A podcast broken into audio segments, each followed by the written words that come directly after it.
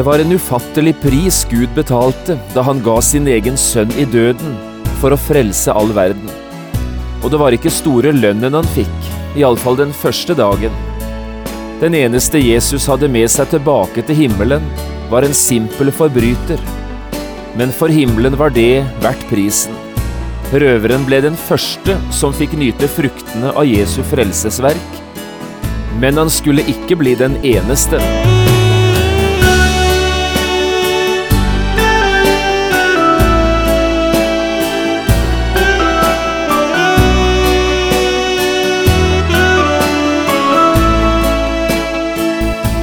Hjertelig velkommen til et nytt program i serien Vindu mot livet.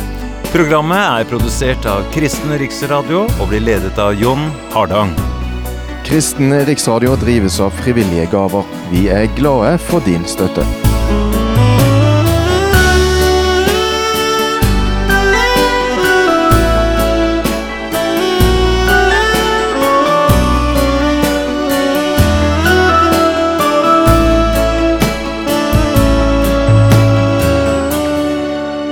Vi skal i dag fortsette programserien Mørket og morgenrøden, der vi prøver å følge Jesus gjennom hele hans lidelsesvei.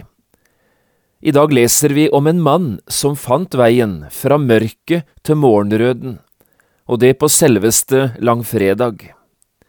Vi skal lese fra Lukasevangeliet i kapittel 23, versene 39 til 43.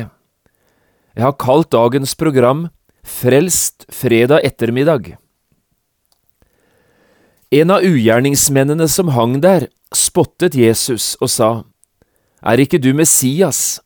Frels deg selv og oss. Men den andre tok til orde og irettesatte ham og sa, Frykter du ikke engang for Gud, du som er under den samme dom? Og vi med rette, for vi får det vi fortjener etter våre gjerninger. Men han har ikke gjort noe galt. Og han sa, Jesus, kom meg i hu når du kommer i ditt rike. Og Jesus sa til ham, Sannelig sier jeg deg, i dag skal du være med meg i paradis.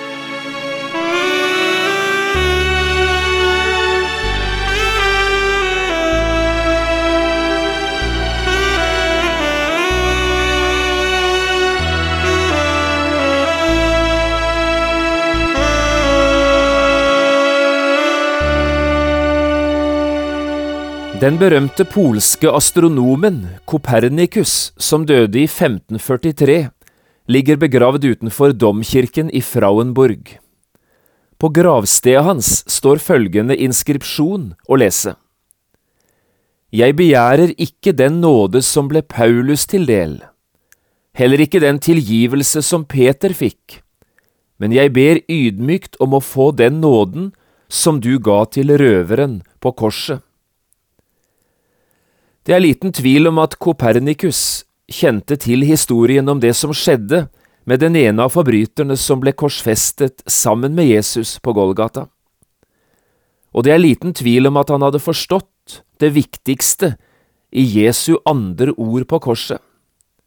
Og det er ingen tvil om at Kopernikus selv fant veien til livet, dersom han virkelig tok det på alvor i sitt liv, det han nå lot skrive på sitt eget gravsted. Det må være noe av det samme vi møter i denne enkle og herlige engelske sangen, skrevet i 1771. Røveren i nøden, der fant liv i døden. Jeg så ond som han, samme frelse fant. Historien om Jesu møte med røveren på korset, han som ba om nåde, må være en av Bibelens aller mest kjente og kanskje mest elskede beretninger. Hvor mange mennesker som gjennom denne historien har funnet fred med Gud, det vet bare himmelen. Og bare himmelen vet hvor mange mennesker det er som gjennom denne historien har fått hjelp til å dø trygt. Historien er bare fem vers lang, men det finnes knapt fem andre vers i Bibelen som til de grader er i stand til å forkynne evangeliet om Guds ufortjente nåde. Samtidig tror jeg det er kloke ord det som av og til blir sagt i tilknytning nettopp til denne beretningen. Bibelen forteller om denne ene omvendelsen i dødsøyeblikket, for at ingen skal fortvile, men bare om denne ene, for at ingen skal lulle seg i søvn ved det. Det var altså fredag ettermiddag det skjedde, det vi leste om her, at røveren ble frelst. Helt på grensen av evigheten var han. Og det var også fredag ettermiddag Frelseren selv døde, han som betalte himmelbilletten, også for den røveren som her ba om nåde. Det var en ufattelig pris Gud betalte da han ga sin egen sønn i døden for all verdens synd. Og det var kanskje ikke rare lønnen han fikk, iallfall ikke denne første dagen. Det eneste Jesus hadde med seg tilbake til himmelen, var en simpel forbryter. Men for himmelen var det verdt prisen. Røveren ble den første som fikk nyte fruktene av Jesu frelsesverk, men han skulle ikke bli den eneste. Hvem som hadde bestemt hvordan de tre korsene på Golgata skulle plasseres, og hvem av de tre som skulle henge hvor, det vet vi ikke. Det er ingen som med sikkerhet kan si hvorfor Jesus ble hengt mellom de to røverne. Kanskje var det Pilatus' idé, siden han hadde hørt at denne Jesus, Messias, hadde elsket syndere så høyt. Kanskje skjedde det etter ordre fra jødiske ledere, som ønsket å vise for all verden at det var her han hørte hjemme, denne selvutnevnte kongen, midt blant tyver og røvere. Og kanskje var det den romerske offiseren som plasserte Jesus fra Nasaret i midten, fordi han var den desidert mest kjente av disse tre dødsdømte. Men eh, hvem det nå var som gjorde det, motivet må ha vært en eller annen form for ondskap. Og det var ingen, verken Pilatus eller Det høye råd eller den romerske offiseren, som kunne ha kommet på den tanken at det at Jesus hang i midten, skulle oppfattes som en form for ære. Men så skjedde det altså enda en gang. Det som menneskene besluttet å gjennomføre, og som de gjorde for å vanære Jesus, det skulle vise seg å være i samsvar med Guds evige råd og hans forutbestemmelse. Hvor skulle det være mer naturlig for himmelen å plassere Jesus like før sin død, enn midt iblant dem han tross alt var kommet for å frelse? Og nå hang han altså her, med to ufrelste forbrytere innenfor rekkevidde, helt inn i sin egen død. Kunne Jesus vært plassert på en bedre måte? Hvem var disse to forbryterne som Jesus ble korsfestet sammen med denne dagen. I kapittel 23, vers 33, skriver Lukas, Og de kom til det stedet som kalles Hodeskallen. Der korsfestet de ham og ugjerningsmennene, den ene på hans høyre, den andre på hans venstre side. Ugjerningsmenn kaller Lukas dem her. Det ordet betyr egentlig kriminelle eller slike som gjør det som er vondt. Når Matteus skal fortelle det samme, i kapittel 27 og vers 38, bruker han disse ordene. Da ble to røvere korsfestet sammen med Jesus, en på høyre side og en på venstre. Røvere, dette er det vanligste ordet for en banditt. Røvere opptrådte av og til på egen hånd, men var også ofte organisert i lovløse bander eller gjenger. Det er godt mulig at disse to røverne hadde vært sammen med Barabas og de andre som hadde skapt uro og endog begått et mord under en oppstand i Jerusalem. Hadde vi lest det Markus forteller, hører vi om et slikt opprør, der Barabas og noen flere var blitt arrestert, rettsforfulgt og dømt til døden. Kanskje det hadde vært tanken at det var Barabas som sammen med disse to andre røverkameratene skulle ha litt døden ute på Golgata. men at det så var Jesus som ble tatt, i stedet for den ene av dem, i stedet for Barabbas. Ugjerningsmenn og røvere. Når vi møter slike ord, er det altså ikke snakk om småtyver eller halvkriminelle mennesker. Det er snakk om forbrytere av verste sorten. Det handler om storforbryterne i Jerusalem. Dette er ikke mennesker som sitter i fengsel på grunn av et lite glipp. Det er mer enn små tabber det her dreier seg om. Dette er mennesker som planmessig og systematisk har trenet seg opp og forberedt seg på et liv på den kriminelle løpebanen, og som ikke skyr noe middel for å nå sitt mål, ikke engang det å begå mord. Begge ugjerningsmennene spottet Jesus, forteller Bibelen. I vers 39 skriver Lukas en av ugjerningsmennene som hang der, spottet Jesus og sa, Er ikke du Messias? Frels deg selv og oss.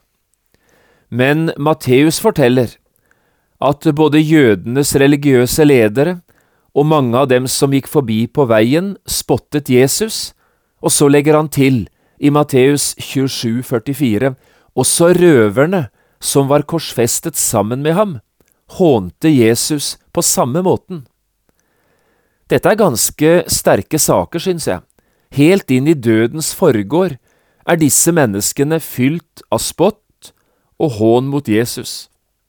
Blasfemi og ukvemsord flyter ut av munnen og av hjertene. Men Jesus svarer disse to ikke ett eneste ord. Stille henger han der og tar imot alt det som kommer, både av spott og hån, banning og fornærmelser. I første Peters brev, kapittel 2 og vers 21, skriver Peter, Kristus led for dere og etterlot dere et eksempel for at dere skal følge i hans fotspor.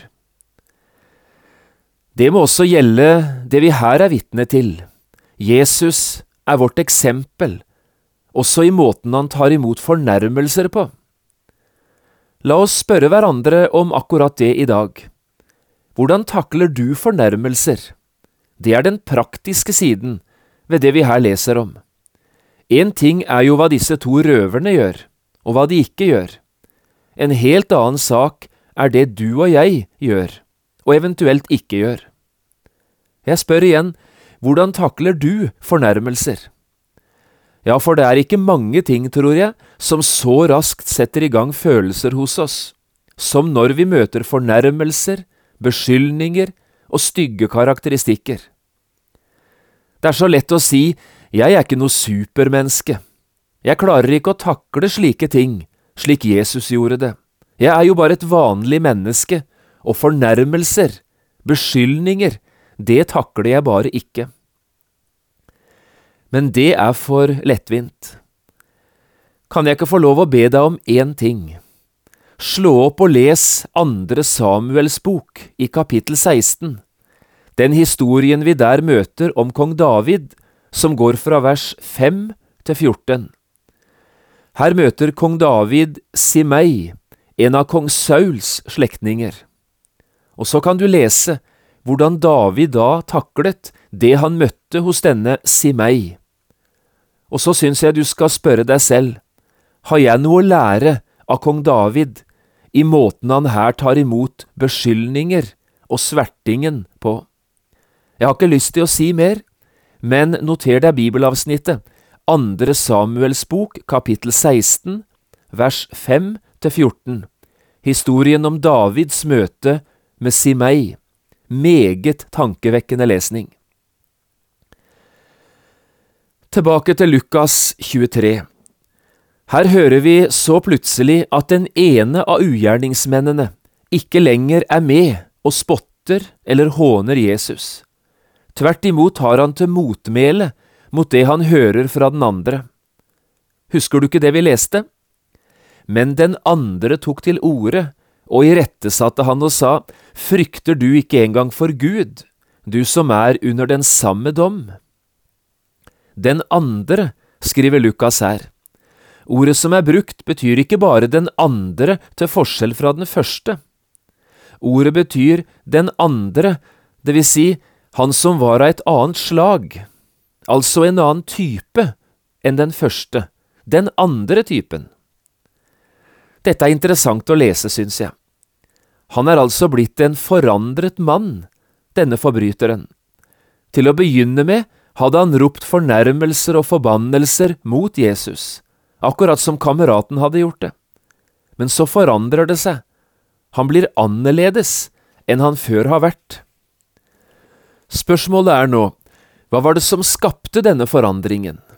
Hvordan ble denne ugjerningsmannen så totalt forandret? Det er ikke helt enkelt å finne det eneste riktige svaret, men et par muligheter er iallfall ganske nærliggende. For det første, han kan ha lest ordene som sto skrevet og som hang på korset over Jesu hode. Jesus fra Nasaret, jødenes konge. Det var denne platen Jesus selv hadde båret da han gikk via Dolorosa, som nå var hengt opp på Jesu Kristi kors. Kanskje har forbryteren lest ordene som sto på denne platen, og så har han begynt å tenke. Dette er ikke en vanlig forbryter. Denne er ikke som en av oss. Han skulle vel ikke være akkurat det som ordene forteller at han er? Eller kanskje har han sett måten Jesus taklet fornærmelser og forbannelser på. Han har lagt merke til tausheten hos Jesus. Selv om ukvemsordene kunne ha fått hvem som helst til å reagere, tidde Jesus helt stille.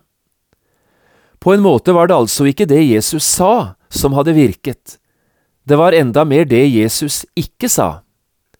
Jesu liv virket like sterkt, hans måte å takle fornærmelser på.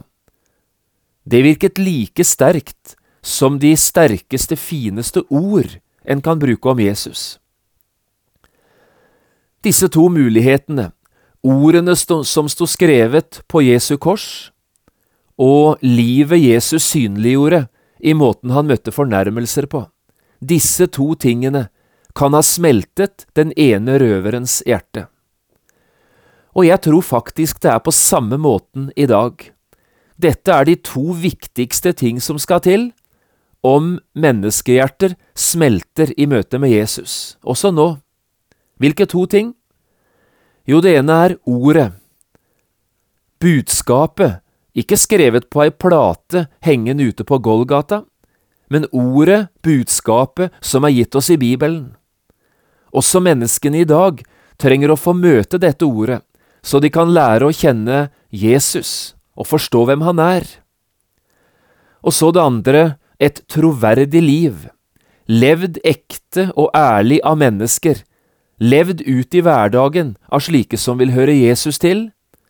Et troverdig liv, levd av mennesker som tar troen på Jesus på alvor i sine hverdager. Disse to ting smelter fortsatt hjerter. La oss prøve å få øye på de forandringene som finner sted i denne røverens liv. Vi leste litt av samtalen, ikke sant, mellom de to røverne. Frykter du ikke engang for Gud, du som er under samme dom? Og vi med rette, for vi får det vi fortjener etter våre gjerninger, men han har ikke gjort noe galt. Og han sa, Jesus, kom meg i hu når du kommer i ditt rike. Det er litt av en bekjennelse denne ugjerningsmannen egentlig her kommer med og det er litt av en bønn han ber. Jeg synes det er tre ting som tydelig kommer til uttrykk i denne røverens ord. Først av alt, han erkjente i alle fall at han var en synder, og at den straffen han nå fikk, den var vel fortjent. Vi får det vi fortjener, etter våre gjerninger. Det er ganske sterke ord. Ord som forteller om en som ikke lenger har tro på sine egne muligheter og sin egen framtid. For det andre innså han nok at Jesus var enestående. Han har ikke gjort noe galt, bekjenner han. Jesus fra Nasaret var i denne mannens øyne ikke et vanlig menneske. Han var uten synd og skyld. Han var det rene mennesket, kanskje var han Messias, Guds sønn. Og for det tredje innser forbryteren at hans evige ve og vel ligger i denne mannens hender, i Jesu hender. Derfor ber han, Jesus, kom meg i hu når du kommer i ditt rike. Og med disse enkle ordene, stappfulle av tro, kronet røveren Jesus til herre og konge over sitt eget liv. Den enkle, men ærlige trosbekjennelsen førte så den botferdige røveren ut av syndens og dødens mørke. Han ble helt ufortjent satt over i Guds elskede sønns rike. Han er mannen som ble frelst fredag ettermiddag, og som fant veien fra mørket til morgenrøden. Det er sagt om denne forbryteren, han ba om en tanke, men han fikk et paradis. Til slutt i dag har jeg lyst til å forme noen setninger, som en slags konklusjon på det vi har lest. Vi nevner fire enkle ting. Ingen er håpløse. Ingen er for langt borte til å kunne bli frelst. Det er det første. Ingenting kan erstatte det skrevne ord i Bibelen og et ærlig og oppriktig kristenliv i hverdagen. Det er det andre. Det er bare disse to tingene som egentlig kan smelte motstand og hjerter hos folk, og som kan overbevise dem om sannheten i evangeliet. For det tredje, det eneste Gud spør etter, er hjertets tro på Jesus. Ikke gode gjerninger, ikke sterke løfter, ikke lang og tro tjeneste, bare hjertets enkle tro på Frelseren. Og det fjerde, straks et menneske blir frelst, blir han en del av Guds store familie. Sannelig sier jeg deg, sa Jesus, i dag skal du være med meg i paradis. Og så tok han røveren med seg hjem til sin far. Den botferdige røveren gikk ikke bort, han gikk hjem. Han kunne nok ikke denne sangen, røveren som ble frelst på fredag ettermiddag, men hadde han kunnet den, ja, da hadde han sunget det verset jeg nå vil sitere til slutt. Intet godt jeg bringer deg, til ditt kors jeg klynger meg. Naken jeg om kleder ber, hjelpeløs til nåden ser. Uren flyr jeg til ditt blod, rens meg, frelser, i den flod. Dette kunne ha vært røverens sang, og dette skulle være din bønn nå i dag.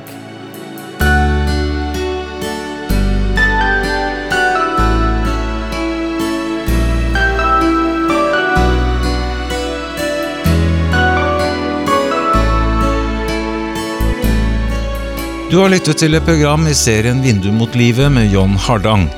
Programmene i denne serien kan også kjøpes på CD fra Kristen Riksradio eller høres på internett på p7.no.